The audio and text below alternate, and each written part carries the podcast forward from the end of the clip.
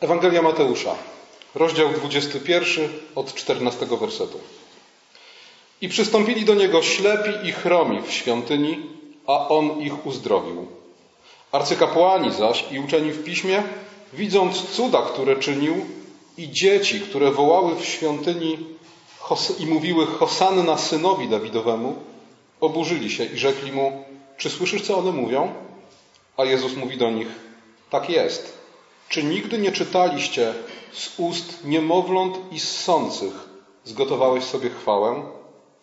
I opuściwszy ich, wyszedł z miasta do Betanii i tam zanocował.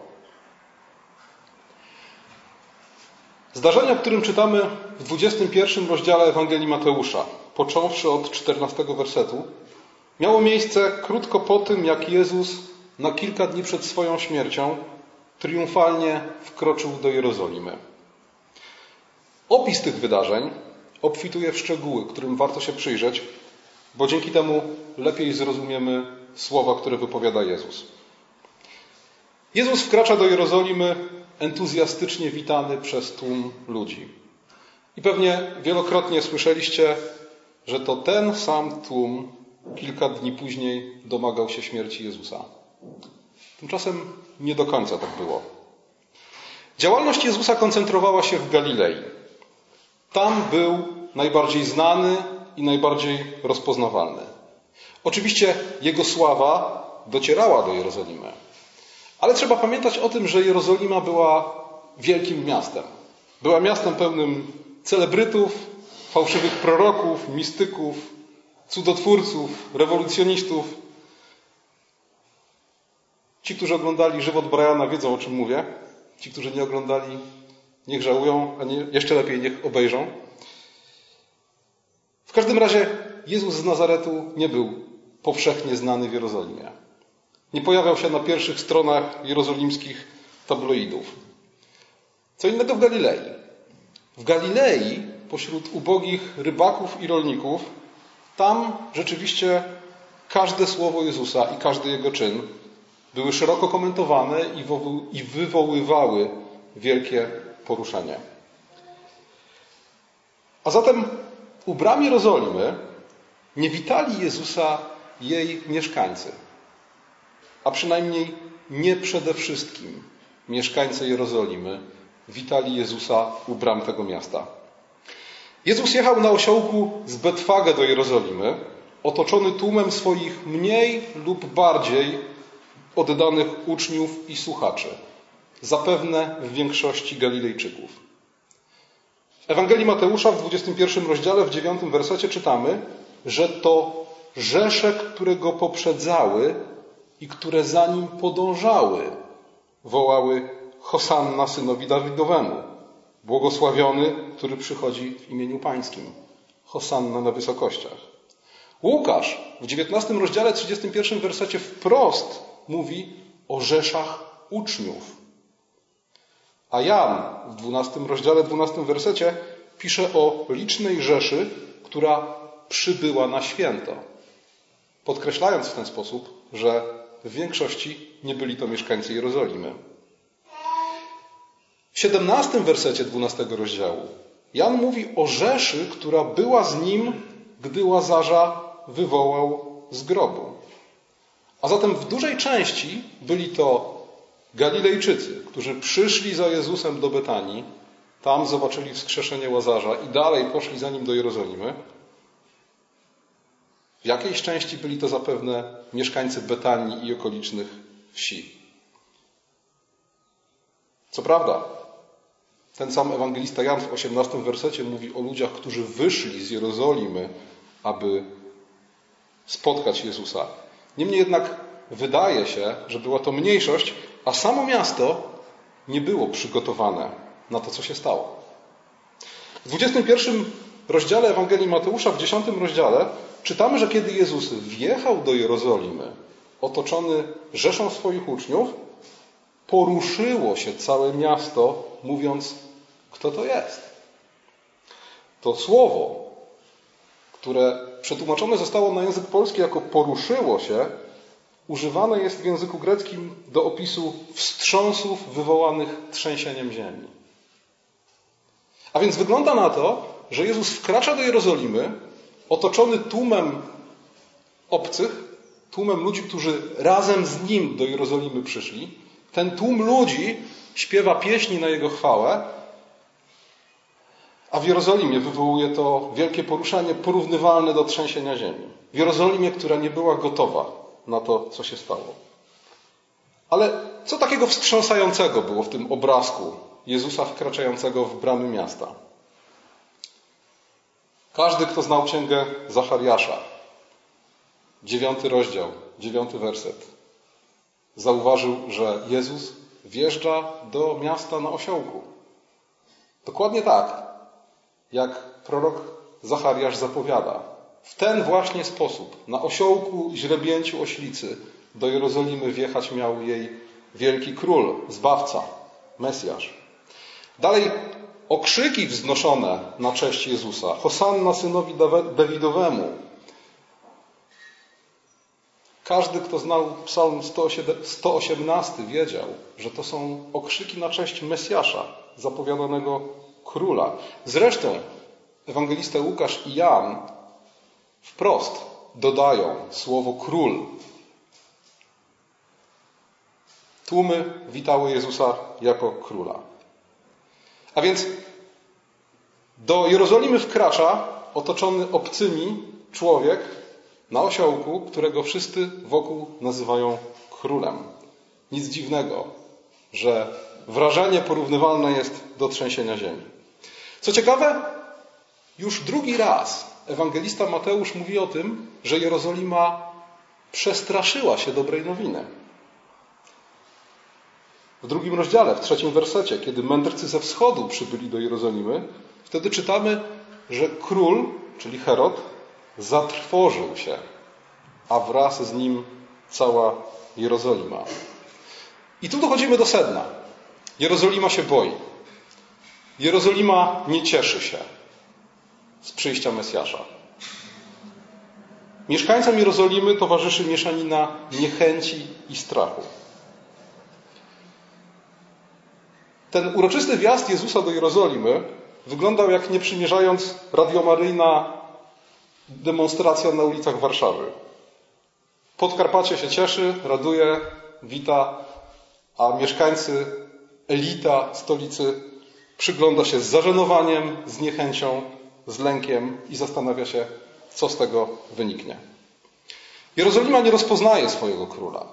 Dlatego też, kiedy Jezus zbliża się do bram miasta, to jak czytamy w XIX rozdziale Ewangelii Łukasza, płacze nad Jerozolimą.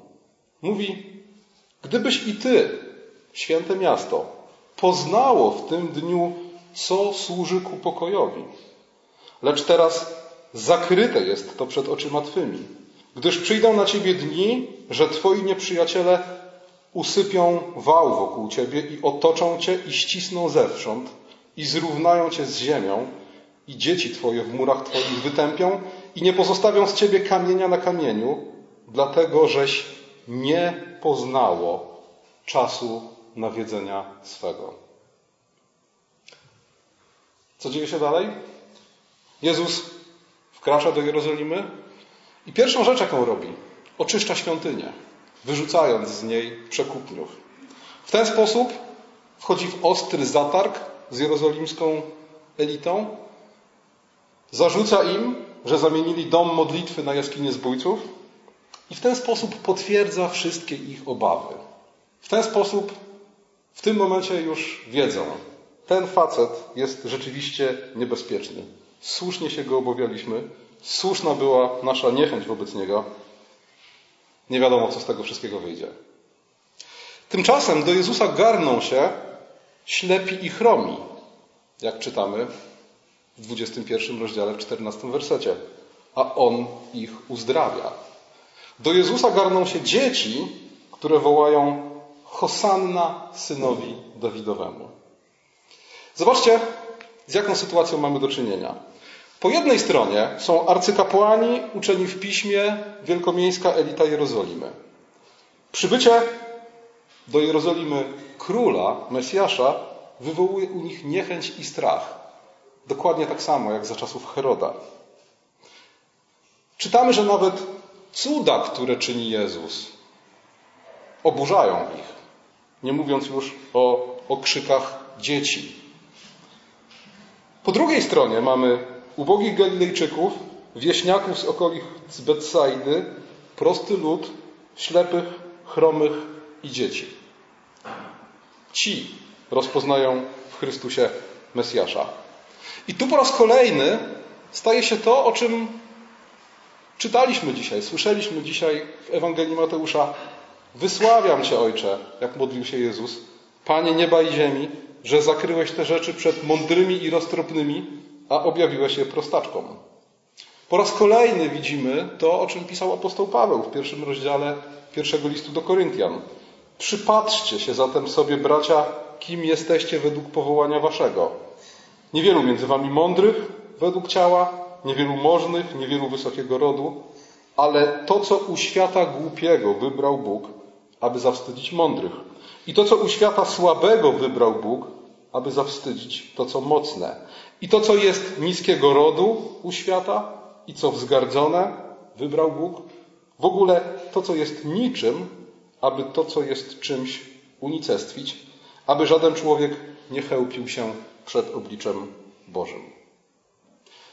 I w ten sposób dochodzimy do naszego krótkiego fragmentu i naszej tajemniczej wypowiedzi Jezusa w odpowiedzi na oburzenie faryzeuszy.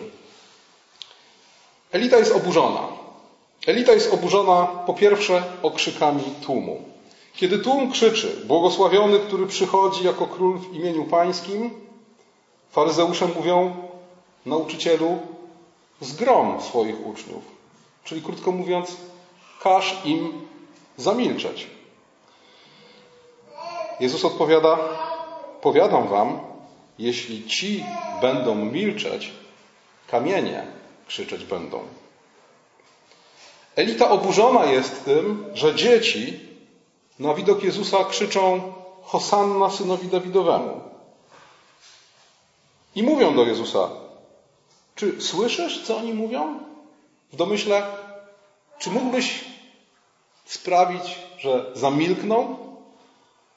A Jezus odpowiada, czy nigdy nie czytaliście z ust niemowląt i ssących zgotowałeś sobie chwałę? Ciekawa odpowiedź, prawda? Na pierwszy rzut oka dość tajemnicza. Oczywiście Jezus odpowiada cytatem z Psalmu ósmego, z trzeciego wersetu. Co oznacza ta odpowiedź? Czy ona oznacza po prostu tyle, że Bóg odbiera sobie chwałę również z ust dzieci i niemowląt? Nie sądzę, że o to chodziło Jezusowi, dlatego że to była rzecz oczywista dla każdego Żyda, jasna jak słońce. Żaden Żyd nie miał takich wątpliwości, jakie miewają niekiedy dzisiaj ewangeliczni chrześcijanie, którzy każą czekać dzieciom z chrztem do czasu, kiedy świadomie wyznają swoją wiarę w Chrystusa, którzy traktują swoje dzieci często jak niewierzące, dopóki będąc nastolatkami, najlepiej podczas jakiegoś obozu dla nastolatków, nie podejmą sami świadomej decyzji pójścia za Chrystusem. Nie. Dla Żydów było oczywiste, że dzieci, tak jak dorośli, są częścią ludu Bożego i że tak jak Bóg odbiera sobie chwałę z ust ludzi dorosłych, dokładnie tak samo odbiera sobie chwałę z ust dzieci. Każdy Żyd wiedział, że nasz Bóg jest również Bogiem naszych dzieci.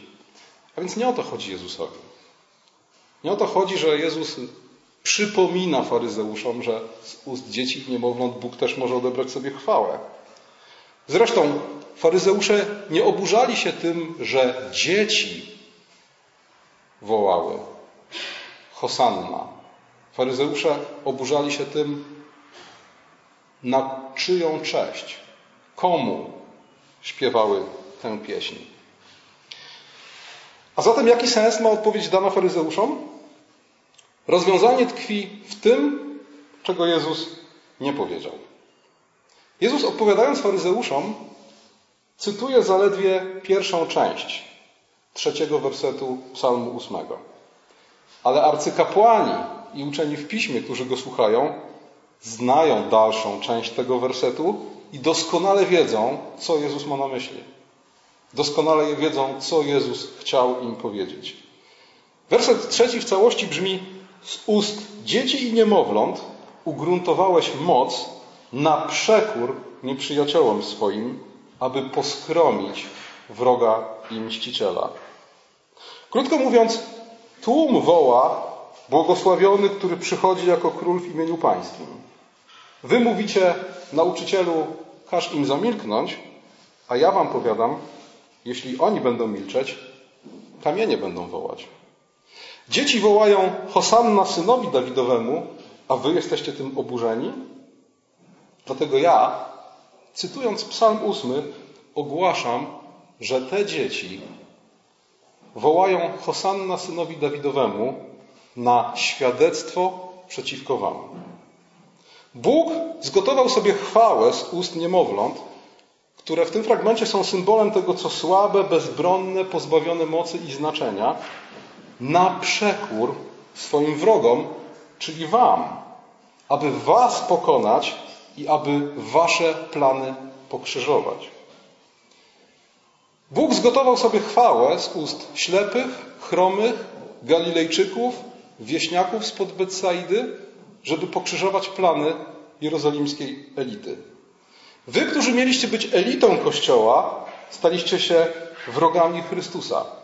Jego przyjście zamiast radości budzi strach i niechęć w waszych sercach. Kiedy słyszycie pieśń chwały, zamiast się do niej przyłączyć, próbujecie zamknąć usta tych, którzy ją wznoszą. Wy, którzy mieliście głosić Słowo Boże, próbujecie je zagłuszyć. I kiedy czytamy Ewangelię Mateusza dalej, to widzimy, że w 21 rozdziale mamy opowieść o nieurodzajnym drzewie, przypowieść o dwóch synach i przypowieść o dzierżawcach winnicy. Wszystkie te fragmenty o tym dokładnie właśnie mówią. O tym, że ci, którzy mieli wydawać owoc, nie wydali go. Ci, którzy zadeklarowali jako pierwsi, że będą Bogu we wszystkim posłuszni, okazali się synami krnąbrnymi. Ci, którym Bóg oddał swoją winnicę w dzierżawę, a więc ci, którym powierzył opiekę nad swoim królestwem, nad swoim ludem, ci zabijali proroków, a na końcu zabiją jednorodzonego Syna Bożego. I dlatego w 42 wersecie 21 rozdziału Ewangelii Mateusza Jezus mówi do nich tak. Czy nie czytaliście nigdy w psalmach kamień, który odrzucili budowniczowie, stał się kamieniem węgielnym? Pan to sprawił i to jest cudowne w naszych oczach. Dlatego powiadam wam, że Królestwo Boże zostanie wam zabrane, a dane narodowi, który będzie wydawał jego owoce. I co ciekawe, słuchajcie, Jezus cytuje tutaj Psalm 118, czyli dokładnie ten sam psalm, którego słowami lud witał Jezusa wkraczającego do Jerozolimy. Lud wita go słowami Psalmu 118, a Jezus słowami Psalmu 118 oskarża tych, którzy jako pierwsi winni go rozpoznać i jako pierwsi winni go przyjąć. I dlatego w 45 wersecie 21 rozdziału Ewangelii Mateusza czytamy, że arcykapłani i faryzeusze zrozumieli, że Jezus mówi o nich. Zrozumieli, że to ich nazywa wrogami i nieprzyjaciółmi, że to przeciwko nim świadectwo składają dzieci wołające Hosanna synowi Dawidowemu. A zatem odpowiedź, jaką Jezus daje uczonym i kapłanom, oznacza daremny wasz trud. Bóg odbierze sobie chwałę z ust niemowląt i dzieci. Jeśli ludzie zamilkną, kamienie wołać będą. Jesteście na z góry przegranej pozycji. Słowo Boże zwycięży swoich nieprzyjaciół. A co ciekawe, dokona się to za pośrednictwem tego wszystkiego, co słabe i wzgardzone, żeby upokorzyć to, co w oczach świata jest wielkie, mądre, godne podziwu i szacunku. Dlatego zwycięstwo Ewangelii przyjdzie na świat za pośrednictwem chromych, ślepych, Galilejczyków, wieśniaków z Betsaidy i niemowląt. Wysławiam Cię, Ojcze, że zakryłeś te rzeczy przed mądrymi i roztropnymi. Jakie to wszystko ma dla nas znaczenie? Fragment ten jest dla nas po pierwsze przestrogą, po drugie zachętą, a po trzecie pociechą. Jest przestrogą przed tym, abyśmy nie stali się podobni do tej jerozolimskiej elity, sytej, zadowolonej z siebie i zadufanej w sobie. Ci ludzie dobrze się urządzili i dobrze się mieli. W czasach, kiedy lud Izraela cierpiał.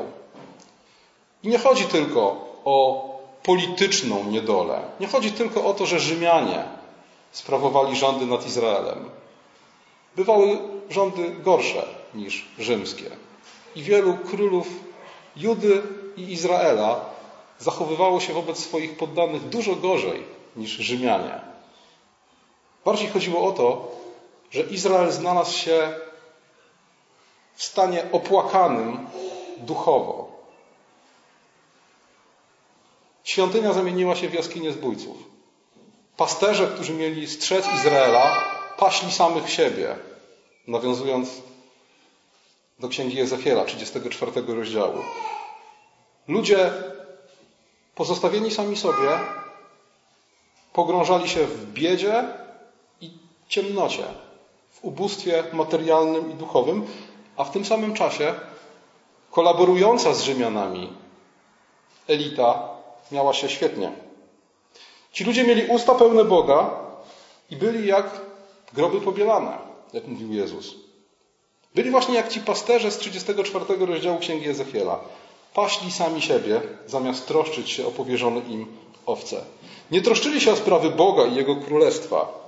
Nie troszczyli się o nie do tego stopnia, że Mesjasz, rzekomo oczekiwany przez nich, okazał się, kiedy już przyszedł, zagrożeniem i przeszkodą dla ich interesów.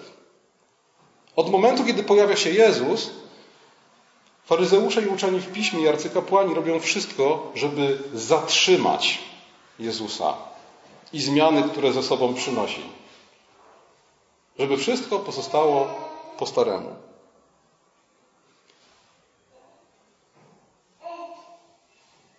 Ten fragment jest przestrogą przed letnim, wygodnym chrześcijaństwem. Takim, w którym tak naprawdę kierujemy się własnymi korzyściami, zapominając o służbie, poświęceniu, naśladowaniu Chrystusa. Takim chrześcijaństwie, kiedy Kościół traktujemy jedynie jako adresata naszych oczekiwań, Boga jako tego, który spełnia nasze marzenia, odpowiadając na modlitwy, i pogrążamy się w sytości i samozadowoleniu. Fragment ten jest również dla nas zachętą. Po pierwsze, zachętą do tego, żeby śpiewać psalmy.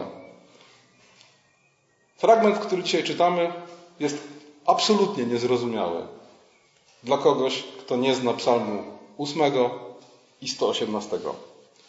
Jeśli chcecie wiedzieć, co do Was mówi Jezus, śpiewajcie psalmy. Dalej, ten fragment jest zachętą do tego, abyśmy jako chrześcijanie nie pozwalali sobie zamknąć ust. Zwiastowanie słowa, świadectwo i pieśń chwały nie mogą zamilknąć. Jak mówi Jezus, gdybyśmy my zamilkli, kamienie wołać będą. Co ciekawe, słuchajcie. Nowy Testament spisany został w języku greckim. A zatem cytaty, które znajdujemy w Nowym Testamencie ze Starego Testamentu, pochodzą z greckiej Septuaginty. Więc zwróćcie uwagę na to, że nawet biorąc, uwagę, biorąc do ręki jeden egzemplarz Biblii, Biblii Warszawskiej, ten trzeci werset Psalmu ósmego nieco inaczej brzmi w Księdze Psalmów, a nieco inaczej brzmi w Ewangelii Mateusza w ustach Jezusa, który ten psalm cytuje. W Księdze Psalmów czytamy z ust dzieci i niemowląt ugruntowałeś moc na przekór swoim wrogom. Tu jest mowa o mocy, w Ewangelii Mateusza jest mowa o chwale. I rzeczywiście to hebrajskie słowo raczej oznacza moc, twierdzę, bastion niż chwałę. A to oznacza, że czytając Psalm 8, czytamy o tym, że z ust dzieci i niemowląt Bóg zbudował w niebie twierdzę przeciwko swoim wrogom. I to jest, słuchajcie, jedna z zadziwiających biblijnych prawd. Zwiastowane słowo i pieśń chwały, która wypływa z naszych ust, jest twierdzą i bastionem przeciwko wrogu, wrogom Boga. Jest jednym z elementów duchowej walki. Jeśli chcemy, co robić? Jeśli chcemy, żeby dobro zwyciężyło nad złem, no, wiele różnych rzeczy, o których mówi Pismo, ale jedna z nich, o których nie wolno zapomnieć, to zwiastowanie słowa, świadectwo i pieśń chwały. Bo mówi psalm z ust dzieci, z tego, co wypływa z ich ust. Bóg w niebie zbudował bastion i twierdzę przeciwko swoim wrogom. Fragment ten jest dla nas zachętą, abyśmy, aby, czy może inaczej, przestrogą przed tym, by nie zniechęcała nas moc wrogów i nasza własna słabość. Dlatego, że cały ten fragment, cała ta historia zbudowana jest właśnie na przeciwstawieniu tego, co wydaje się mocne, a co ostatecznie zostanie pokonane przez Chrystusa, i tego, co wydaje się słabe, a co ostatecznie w Chrystusie odniesie pełne i ostateczne zwycięstwo. Kiedy śpiewamy Psalm 8, kiedy go czytamy, to widzimy, że podstawową emocją, jaką wyraża ten psalm, jest zdziwienie. Jak to się dzieje? Kim jest człowiek, że o nim pamiętasz? I dokładnie to samo zdziwienie towarzyszy stwierdzeniu z ust dzieci i niemowląt zbudowałeś w niebie bastion przeciwko swoim wrogom. To jest niezwykłe, ale prawdziwe. Dlatego jako niezwykłe i prawdziwe zarazem powinniśmy z wdzięcznością tę prawdę przyjąć.